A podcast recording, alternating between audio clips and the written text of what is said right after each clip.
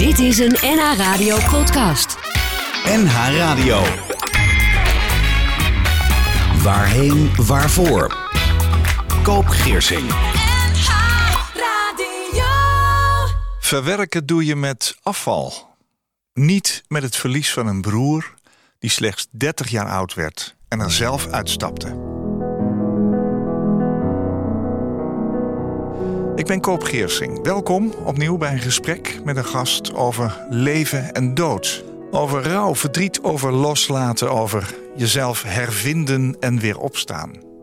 En ik ben blij dat je luistert, waar dan ook. Je kunt reageren via de mail waarheen waarvoor nhradio.nl.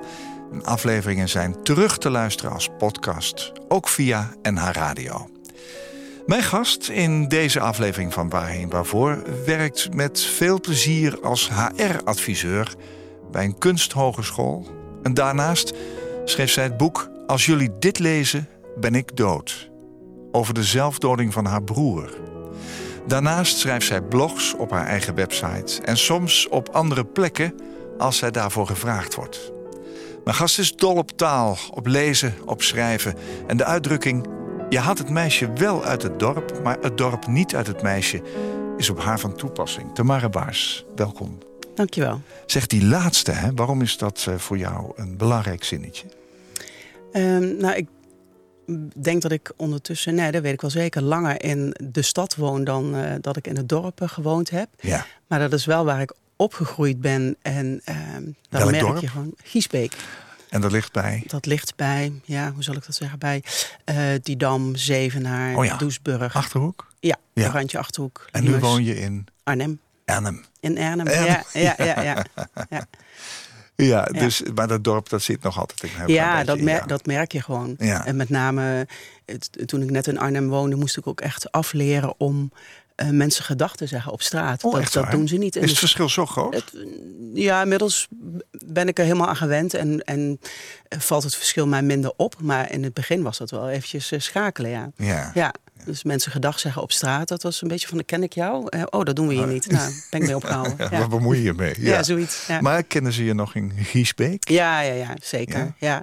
Mijn ouders wonen er nog en eh, veel familie en een goede vriendin. Dus eh, ik ben er nog regelmatig te vinden. Hoe zag het gezin eruit in Giesbeek destijds? Ehm, met z'n vieren. Mijn vader, mijn moeder, mijn broertje en ik. Koen, Koen. dat ja, is je broertje. Koen is mijn is broertje. een beetje ja. de hoofdrolspeler vandaag. Mhm. We zullen Ja. vast veel aan hem denken. Jij denkt iedere dag aan hem. Ja. Wanneer is het, eh, hoe lang is het geleden, wanneer is het gebeurd dat hij uit het leven stapte? 9 mei 2008, dus dat is nou bijna 14 jaar geleden. 14 jaar alweer. Ja. ja.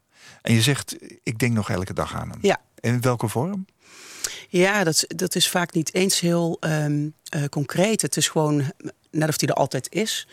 Ehm, ik heb ook natuurlijk wat foto's ehm, in mijn woonkamer staan. Dus dat maakt Ja? ook, ja, daar, daar kijk je dan langs heen. En, ehm, dus hij komt altijd wel even eh, voorbij. Hij wordt Ja. niet ouder, hè? Nee, nee. En jij wel? gek- ja, dat is een gekke gewaarwording. Is dat ja. gek?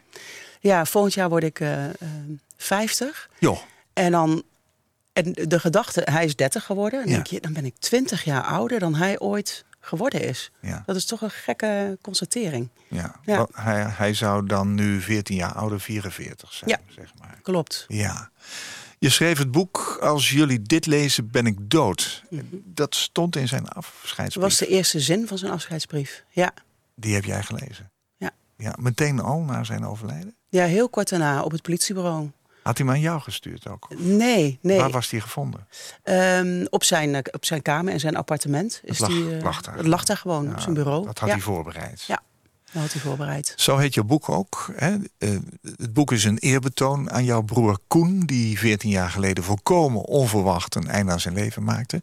Het boek kwam in 2018 uit. Hè? Je hebt het in eigen beheer helemaal uitgebracht. Want dat heb je me verteld. Je wilde graag de regie houden over hoe het eruit ziet. Het, Ja. nou, het ziet er prachtig uit. Het leest ook fijn. Eh, hoe gruwelijk het onderwerp ook is. En je Mhm. zegt... Op deze manier wil ik proberen om zelfdoding uit de taboesfeer te halen. Mhm. Hoe is er wat dat betreft gereageerd op het boek?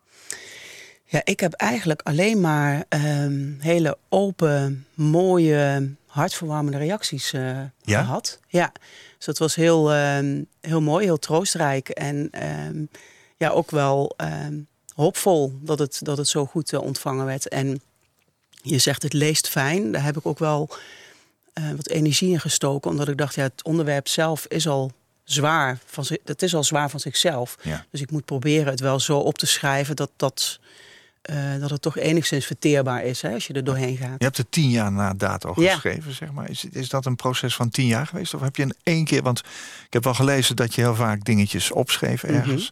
Maar dat je op een gegeven moment bent gaan zitten en eh, bam, het kwam er zo uit. Waarom, Ja. waarom die tien jaar? Ja, ik, het, het is wel een proces geweest van tien jaar inderdaad. Het, het, het werd ook steeds een beetje groter. Hè. Ik, ik begon te schrijven en ik dacht, nou, ik hou het voor mezelf. Toen werd het al, eh, ik, hou- ik doe het voor mijn ouders. Toen dacht ik, er gaat een nietje doorheen. Toen werd het al een ringbandje. En uiteindelijk kwam ik eh, op, op de gedachte van, eigenlijk moet het gewoon een boek worden. Ja. Ik doe het gewoon helemaal goed. En die tien jaar die had ik ook nodig om eh, ook enige afstand toch te hebben van het hele heftige verdriet. Eh, want anders kan je het gewoon ook niet goed opschrijven. Dan Nee. zit je er nog zo middenin dat je onvoldoende afstand kan ehm, creëren van, van datgene wat je te vertellen hebt. Ja. Ehm, en af en toe was ik ook tijdens het schrijven was ik het gewoon even zat. Dat ik dacht, jeetje, wat een verhaal. is. Of vrek, het is mijn eigen verhaal. Nou, Oh ja. laat me even liggen. ja. Bent er zelf een beetje moe van. Ja, dat ik dacht, Ja. jeetje, Mina zeg. Nou, Hoe is het nu Dus, eh, met ja. jou? ja, goed. ja, Ja, ja. ja, Toch ook. Het gezin bestond ooit uit eh, vier mensen. Is dat nog steeds, eh, even los van Koen dan, maar je vader en moeder leven nog? Ja. Ja. Hoe is het met hun?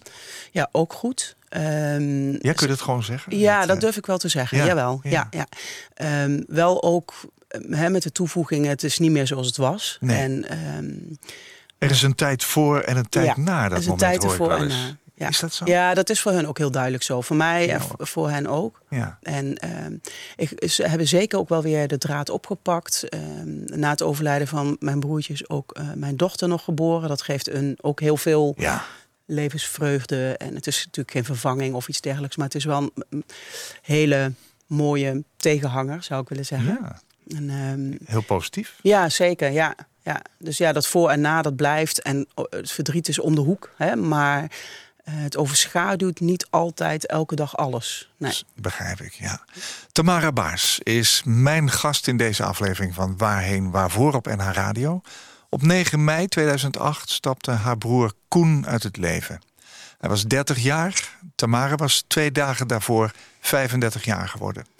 Over deze volslagen onverwachte en totaal ontwrichtende gebeurtenis in haar leven publiceerde zij in maart 2018 haar boek Als jullie dit lezen, ben ik dood. De titel is tevens de eerste zin uit de afscheidsbrief die Koen achterliet. En nog diezelfde dag schreef zij over de dood van Koen in haar dagboek. In de weken die volgden verruilde zij voor het eerst haar schrift voor de laptop en ramde zij alle ellende via de toetsen eruit. Tamara, je begint het voorwoord van je boek met... toen mijn broertje in 2008 zelfmoord pleegde... dacht ik nooit meer normaal te zullen worden. Hoe is dat nu? Je hebt al gezegd, het gaat goed met me, gelukkig. Hè? Mhm. Wat, wat is dat normale?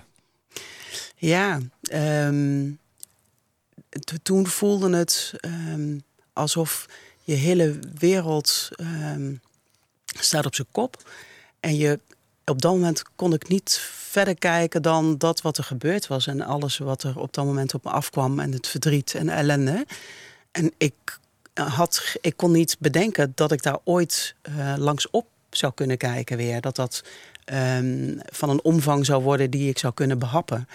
Eh, dus ik denk, dit, dit is het voortaan of zo. Dit, hier moet ik, hoe, en hoe doe ik dat dan? Ja. En dan blijkt. ehm, Hoe doe je dat dan? Ja, ja precies. Ja. Ja. Ja. hoe doe je Nou ja, de tijd. Hè, dus, ja, het is een beetje cliché, maar het is wel toch ook. Tijd eh, heelt alle wonden of zo? mm, het heelt niet per se de wond, maar het helpt wel ehm, om, het, om, er, om het draaglijk te maken, om ermee te leren leven eigenlijk. Dat Ja. het voortaan bij je hoort. of zo ook misschien. Hè? Wat je straks zei over het schrijven van het Ja. boek... dat je die afstand ook nodig had. Dat kan ook tijd zijn wellicht. Ja, tijd. Ja. Heb je het ook veel met je ouders over gehad?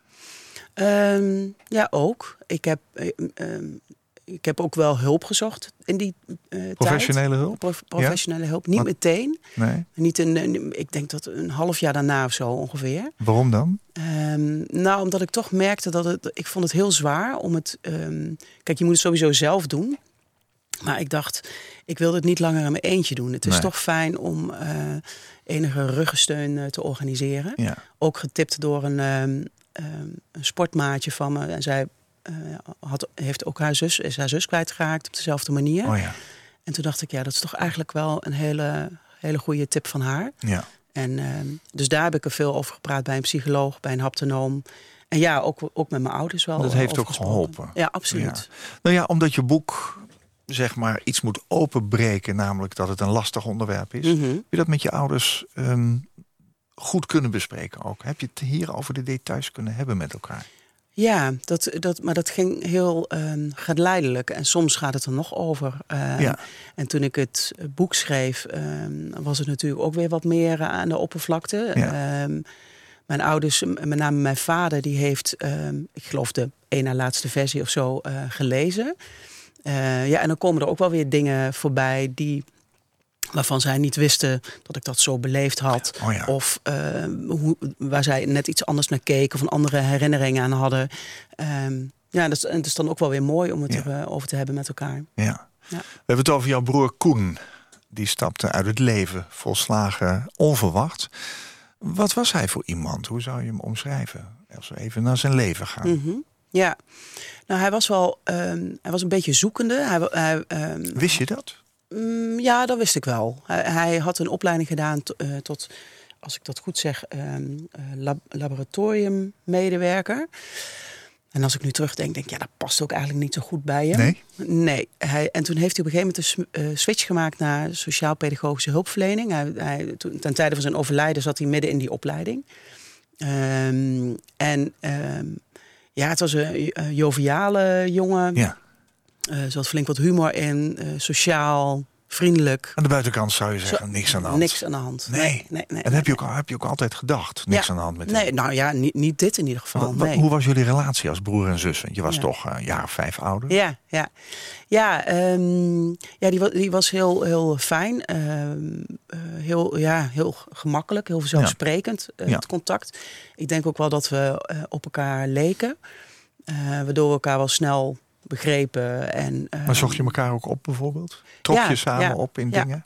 Niet, niet eh, dat we bij elkaar de deur plat liepen, maar op een gegeven moment kwam hij ook in Arnhem wonen. Ja, dan, dan is het helemaal makkelijk om even op de Ja. fiets te springen. En, eh, Arnhem wel een grote stad, hè? Ja, enorm stad. Ehm, maar ja, dan, dan, ben je, dan ben je letterlijk, wel- letterlijk wat dichterbij. Eh wat je dichter bij elkaar. En ehm, ja, we gingen wel samen naar de film. Of ik kwam hem gewoon tegen tijdens, tijdens Ja. het uitgaan Ja. in de kroeg. We kwamen een beetje op dezelfde plekken. Ja, jij, jij publiceert in je boek het verhaal, maar ook eh, je wisselt dat ook af met berichtjes. En, en er staat Mhm. bijvoorbeeld een mailwisseling tussen Mhm. jullie. En dan zegt hij ook dat hij het fijn vindt, die relatie. Mhm. Er zit er ook wel bij van ja, niet dat we elkaar nou gewoon echt dagelijks spreken, maar het is wel fijn om elkaar te hebben. Ja. Ehm, ja, eh, op een gegeven moment krijg je dan toch dat bericht. Hoe is dat gegaan? Het was op een eh, vrijdagochtend, vroeg, om half acht. Je gaat al die details natuurlijk onthouden. Ja. Ja, ja sommige, eh, sommige dingen ben ik vergeten. eh, en sommige details die lijken wel ja, in je geheugen gebrand of zo. Wat, wat voor weer was het? Weet je dat? nog? Ja, stralend weer was het. Ja. Totaal ongepast. Ja, het was ook in mei, hè? Ja, Dus, eh, Ja, het was heel mooi weer. Ja. En ehm, de, de, de bel ging en er stonden twee ehm, agenten aan de, aan de voordeur. En ehm, ehm, mijn toenmalige partner deed de deur open en die kwam teruggelopen naar de slaapkamer. Ik woonde toen nog gelijkvloers. En die zei, er staan twee agenten aan de deur. En dan denk je nog, ik heb een verkeersboete, maar daar komen ze natuurlijk niet voor langs. Maar je, je gaat heel snel denken van, wat, wa- waarom komen ze langs? En toen ehm, ben ik snel mijn bed uitgekomen en eh, naar de woonkamer gelopen, want de agenten zaten op de bank. En een van de twee kende ik. Dat was een eh, goede vriend eh, van mijn vader. Ehm, mijn vader was op dat moment al gepensioneerd van, eh, van de politie. Oh, die werkte al bij die de werkte politie. ook bij de Ja, politie, ja, ja. Politieagent. En, ehm, en dat, was, dat was Hans. En, ehm, dus die, en die kende ik gewoon goed als een vriend, collega van mijn vader. Dus ik dacht, huh, wat doet hij nou hier? Dat zei ik ook. Wat doe jij nou hier? En, maar ik keek naar zijn gezicht. Ik denk, nou, ik weet niet wat hij gaat zeggen, maar dat kan niet. Dus dat, maar dat gaat allemaal heel snel. Hè? Niet Ik geef er nou woorden aan, maar dat, ja. Ja. Ehm, dat gaat heel snel. En die stond op van de bank en die eh, pakte mij vast. En die, hij zei het meteen. Er is iets heel ergs gebeurd. Dat was de eerste zin. Eh Koen is overleden. hij heeft zelfmoord gepleegd. Dat kwam er ook meteen achteraan allemaal. Dat doet hij goed. Ja, dat denk ik ook. Ja. Meteen bam. Geloofde hij het? Nou, ehm, ik, ik, misschien vijf minuten niet.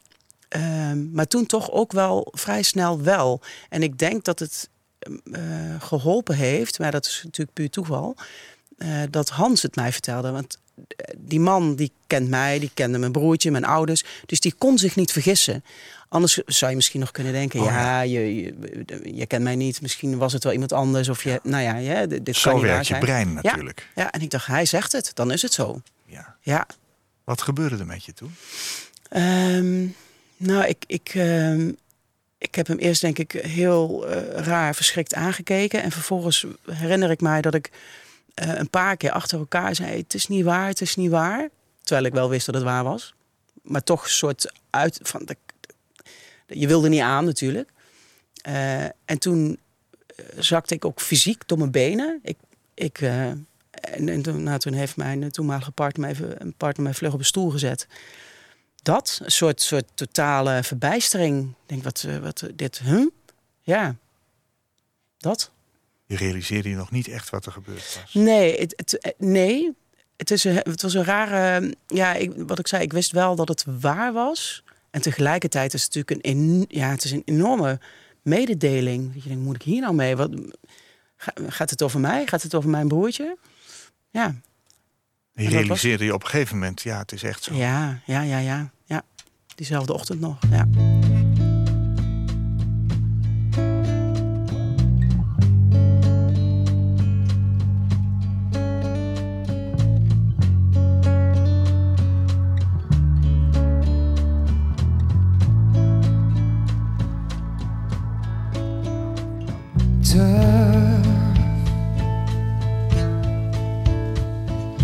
Think you've got the stuff. You're telling me and anyone you're hard enough. You don't have to put up a fight. You don't have to always be right. Let me take some of the punches for you tonight.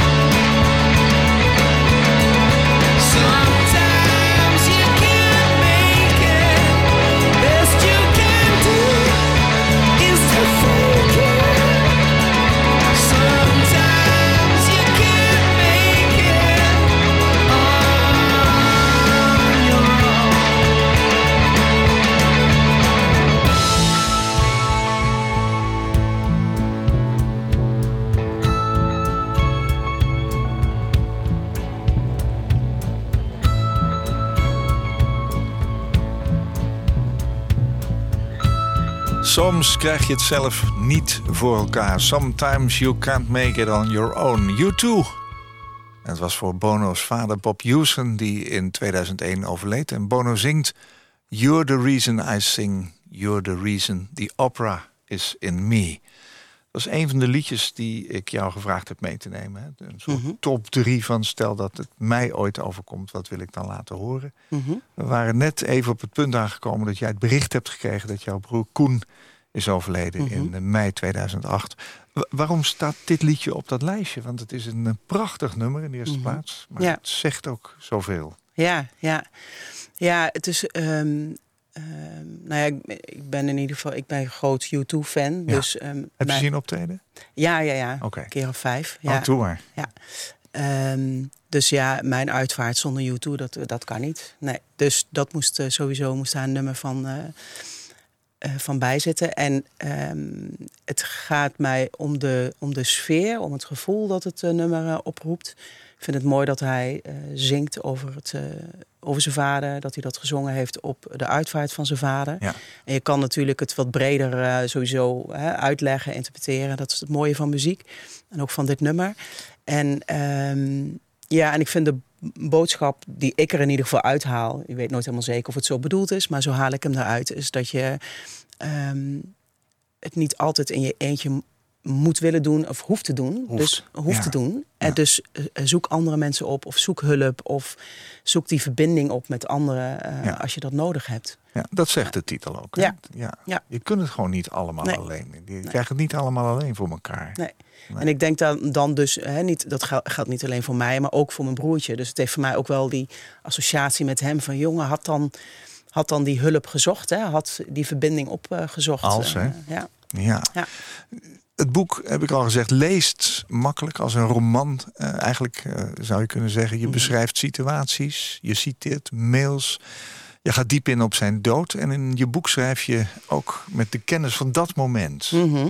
Wel tien jaar misschien later, maar je hebt natuurlijk geschreven met de aantekeningen die je overal had liggen. Ja.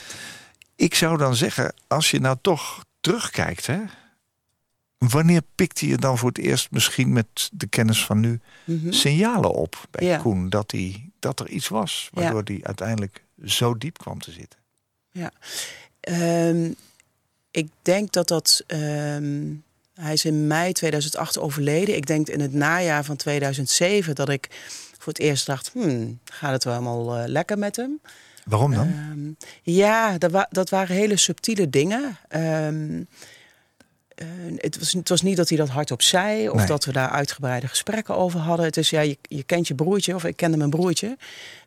Dus het zit dan toch in, in een blik, in eh, woordkeuze, in ja, gewoon hoe hij erbij zat. Ehm, en dat was niet heel nadrukkelijk, ehm, maar toch wel. Ja, ik, ik pikte wel kleine, kleine signalen op. Eh, maar die heb ik nooit uitgelegd als zijn of dit is heel ernstig. Of hè, nu, dit is, dit, het, het, was, het was meer van god, we hebben allemaal wel eens in het leven dat je even Eh, een ja. wat lastige fase Ja, hebt. om gaat wat even niet. Het gaat even niet zo Ja. lekker. Eh, dus zo pikte ik dat toen op. Ja. En Ja. dan, als je daar nu zo over nadenkt, eh, levert dat iets van een, spijt op? Of, of had ik er maar iets mee gedaan? Of schuldgevoel of zo? ja. Ehm, nu niet meer, na, na 14 jaar. In het begin heb ik dat wel eh, gehad. Dat ik dacht, jeetje, ehm, had ik niet meer door moeten vragen? Ehm, eh, ja, had, had ik het kunnen zien? Kijk, als je, als je terug gaat kijken, dan vallen dingen opeens op zijn plek. En dan, dan ja, werd ik wel een paar keer overvallen door... Oh, ik had toen dat en dat moeten doen. Of Ja. toen dat en dat moeten zeggen. Was dat de oplossing geweest dan, denk je ook? Ja, dat zullen we dus nooit weten. Nee. Ik, ik, ehm, Je hoort wel eens zeggen dat mensen die het toch van plan zijn... Mhm. eh, zich niet laten weerhouden door wat dan ook. Nou, ja, ik ben, ik ben geen suïcidedeskundige natuurlijk, maar wat ik erover gelezen heb, eh, is dat niet per se waar. Eh, ehm, eh, die zullen er ongetwijfeld bij zitten. Ehm, maar het is ook wel bewezen dat erover praten helpt. Dus Ja. eh, als je ruimte geeft aan die gedachten, als je die bespreekbaar maakt, ehm, dan worden ze beter hanteerbaar en kom je uiteindelijk met een beetje geluk en inspanning Ja. eh, toch weer terug bij. Waren jullie leven. praters in die tijd? Ehm, nou, zo Van af en huis toe. uit, zeg maar, al wel? Mm, Ja, jawel, ja. Nou ja, praters, weet ik niet. Ehm, maar ook, ook niet geen praters. Dus ehm, het was niet dat het. ehm, ehm, Nee, maar dat ging het, over, ging het over wezenlijke dingen in jullie gesprekken?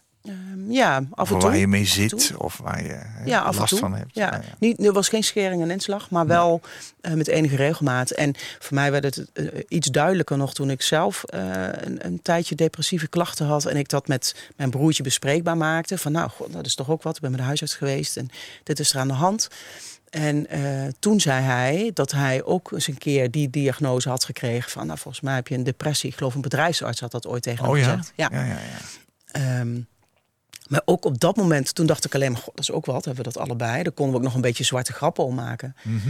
Ehm, maar ik, ook toen verzon ik niet dat dat bij hem nog vele malen ernstiger was dan bij mij. Nee. Dat zei hij ook niet, dat zag ik niet. Eh, Nee. nee. Nee. Nee. nee. Na zijn overlijden, hè, na zijn suïcide, wil je Koen eigenlijk zo snel mogelijk zien, lees ik. Ja. En je omschrijft ook die hele identificatie. Wat, wat, wat deed dat met jou? Je moest dus ergens naartoe om Mhm. te zien dat hij het was. Ja, ja. Hoe ging dat? Ja, dat is, dat is eh, eh, onderdeel van de procedure, zou ik haast willen zeggen. Nou, wat ik begreep van de politie. Eh, ja, een paar uur na die mededeling, ik geloof een uurtje of half tien, 's ochtends, twee of drie uur later, zat ik op de fiets naar het politiebureau. Waar ik zelf ook nog eh, vakantiewerk had gedaan en zo. En eh, waar mijn vader gewerkt had. Ja, dat is gewoon heel raar. Eh, Stralend weer op de fiets. En ik denk, nou, zouden mensen nou aan mij zien dat ik op de fiets, dat ik onderweg ben naar mijn dode broertje? Het is, het is Als daar een mortuarium of zo bij? ja, ze, ja, ze hebben Ja. daar een aparte plek waar, Ja. waar ze blijkbaar mensen die overleden zijn ehm, neerleggen. En ehm, ja, ik werd, ik werd opgevangen. Ik, heb, ehm, ik was met mijn toenmalige, eh, toenmalige partner, die ging mee. En we werden opgevangen. En ehm, eerst heb ik de afscheidsbrief eh, mogen lezen.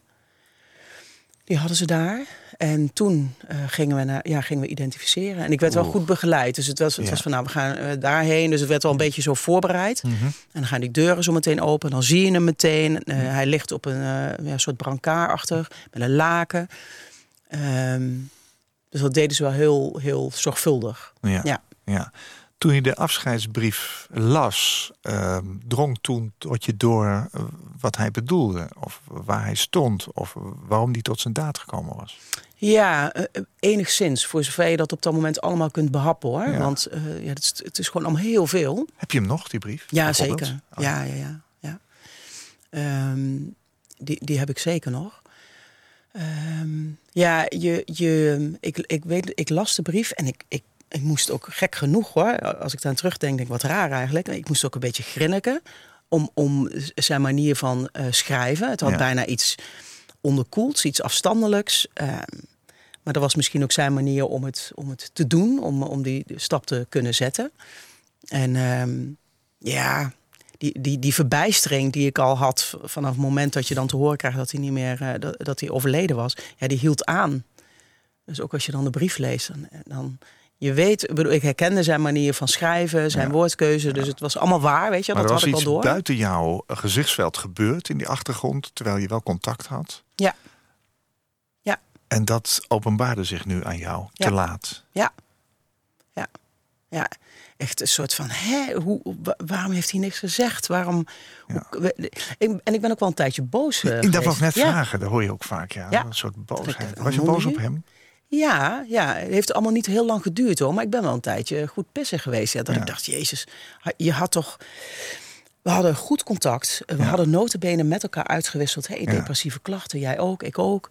Dus het lag op tafel. Praat er dan over. Ja, het lag al op tafel. Het was niet van, hè, ehm, dat het helemaal nog onbesproken was. Dus wat houd je dan tegen? Ehm, maar ik denk dat in zijn situatie, zijn overtuiging was ook, dat, dat sprak ook uit de brief, eh, niks gaat mij helpen. Dus dat was een soort ja, ge- gefixeerd idee ehm, van ik kan het er wel over gaan hebben, maar maakt niet uit, zin. heeft geen zin. Dit, Nee. De enige oplossing is eh, eruit stappen.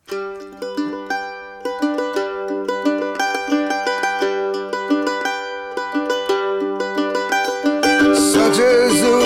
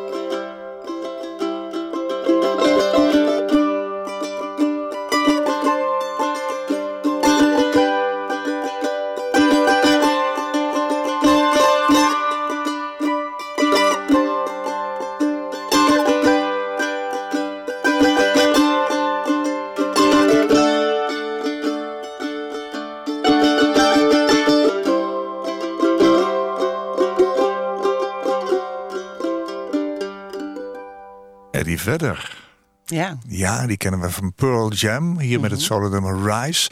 Komt uit die prachtige film Into the Wild. eh, over een jongen die uiteindelijk terechtkomt bij een oude bus. Mhm. Waar hij eh, denkt, hier kom ik wel weer eens een keertje weg. Maar het lukt hem niet meer de rivier over te steken. En Nee. hij overlijdt eigenlijk. Hè. Hij sterft Ja. in die wildernis. Ehm, waarom dit liedje op jouw lijstje van drie nummers, Tamara Baars? Ehm, nou, Eddie Vedder, ehm, ik vind dat hij een, een prachtige eh, stem heeft. Ehm, en dit liedje, nou de, de film is, het is, een- het is een, een, een waanzinnig mooie film.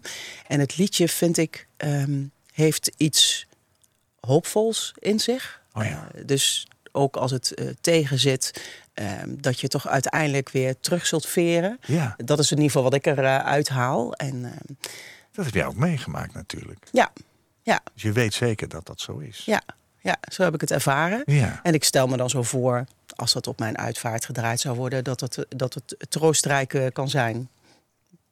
Pas Die- bij jou, hè? Die gedachte. Ja, Ja. nou, mooi, dankjewel. Straks nog een liedje. Ehm, Tamara Baars is mijn gast in Waarheen, Waarvoor eh, in deze aflevering. Als jullie dit lezen, ben ik dood, staat er voor op jouw boek. Je hebt eh, de afscheidsbrief die met die zin begint gebruikt. Mhm. Je hebt er nog steeds. Je Ja. leest er misschien ook nog wel eens een keertje terug hè, met de Heel kennis van nu. keer, ja.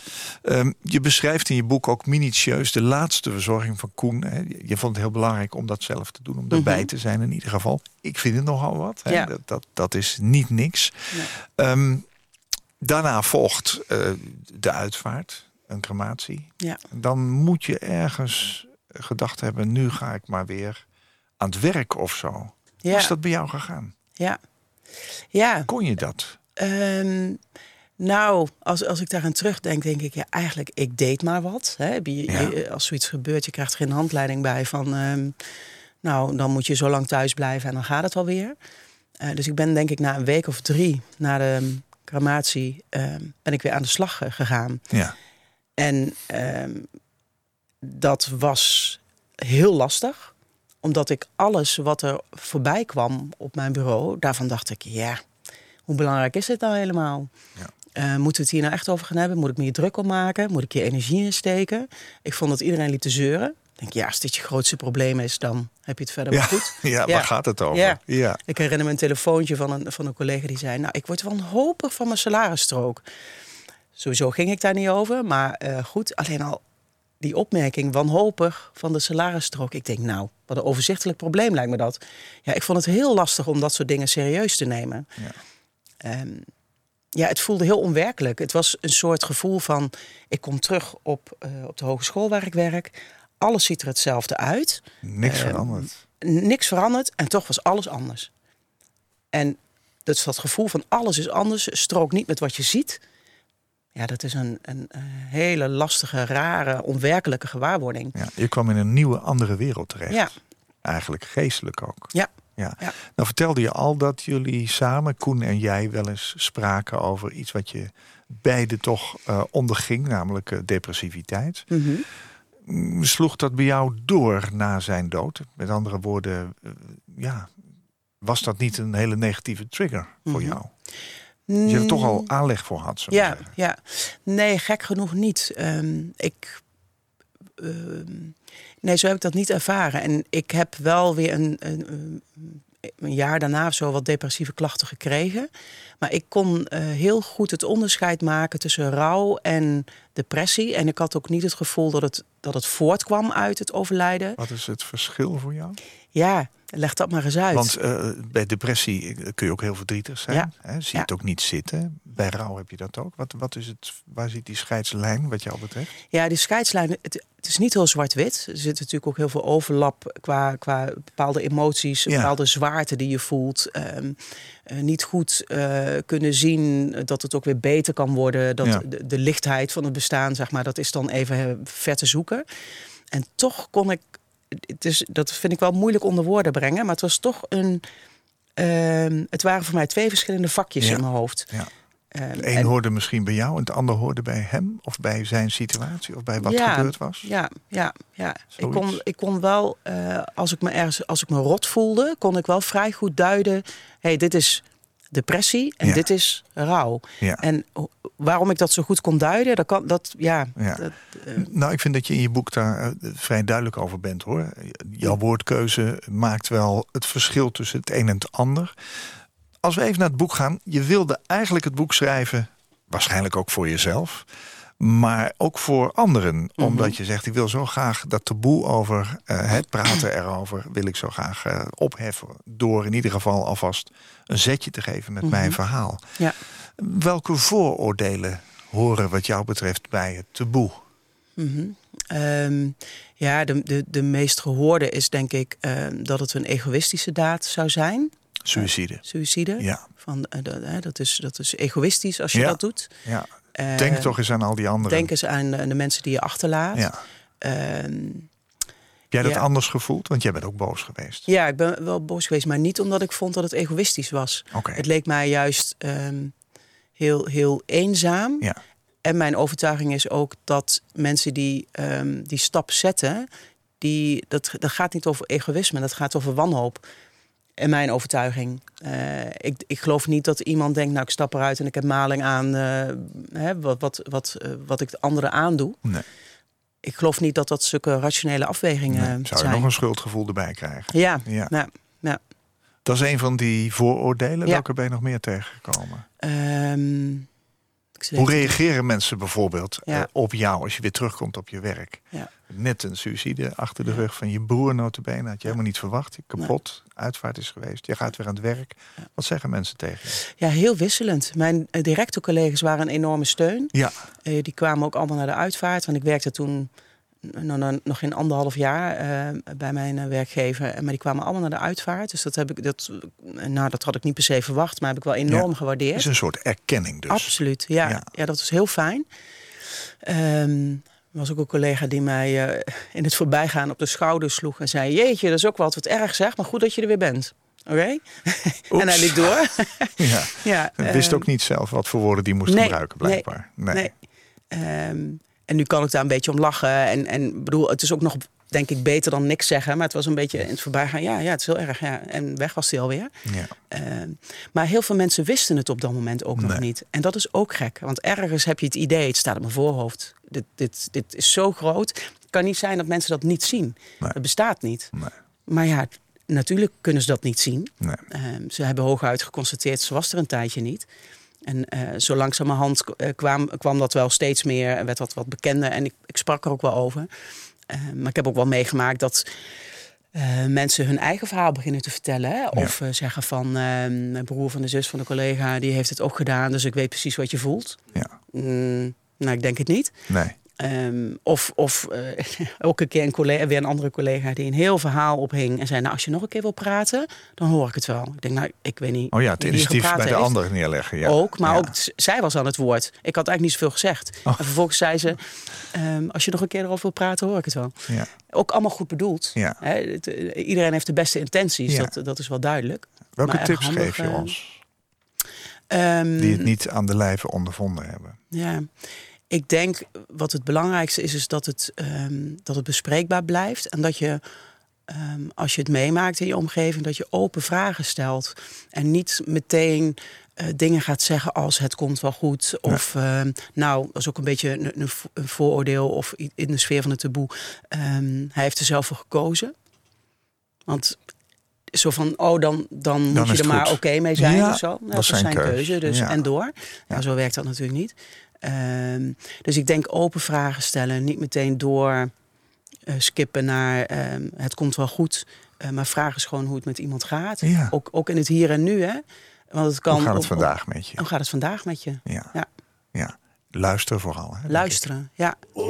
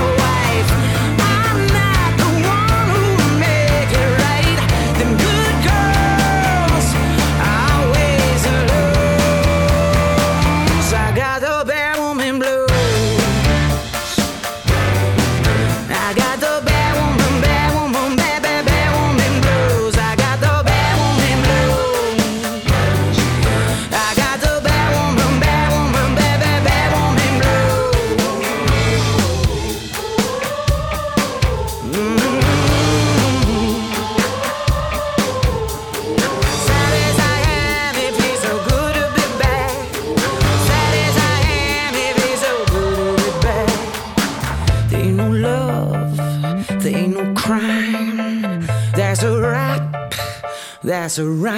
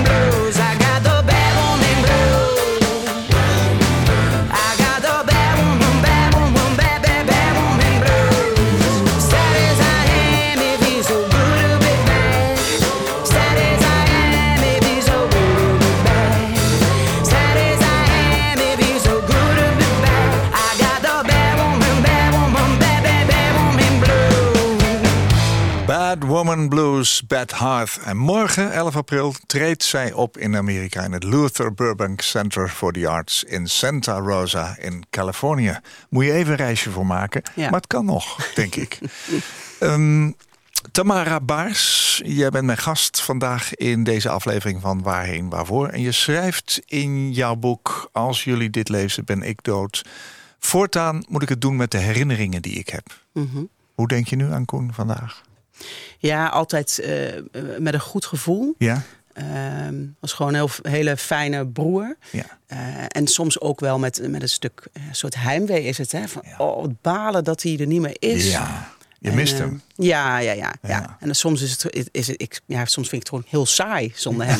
Ja, ik denk, nou, Gelukkig heb je een lieve vriend. ja, zeker. Zeker, absoluut. Zeker. Waar kunnen we het boek kopen? Nou, sowieso via eh, allerlei reguliere eh, kanalen, bol.com. Ja. eh, maar ook, eh, ehm, Via jouw eigen website? ook via de eigen website. En via Tamarabaars.nl. tamarabaars.nl en via www.boekenbestellen.nl. Ja. Dat is voor mij het- het prettigste kanaal, zeg ik er eerlijk bij. Ehm, Dus standaardboekhandel.be voor Nou, de Vlaamse Kijk eens aan. Ja. Ja. Het is een boek wat je moet lezen, vind ik. Om Ja, er ook over ook. te kunnen praten. Ja.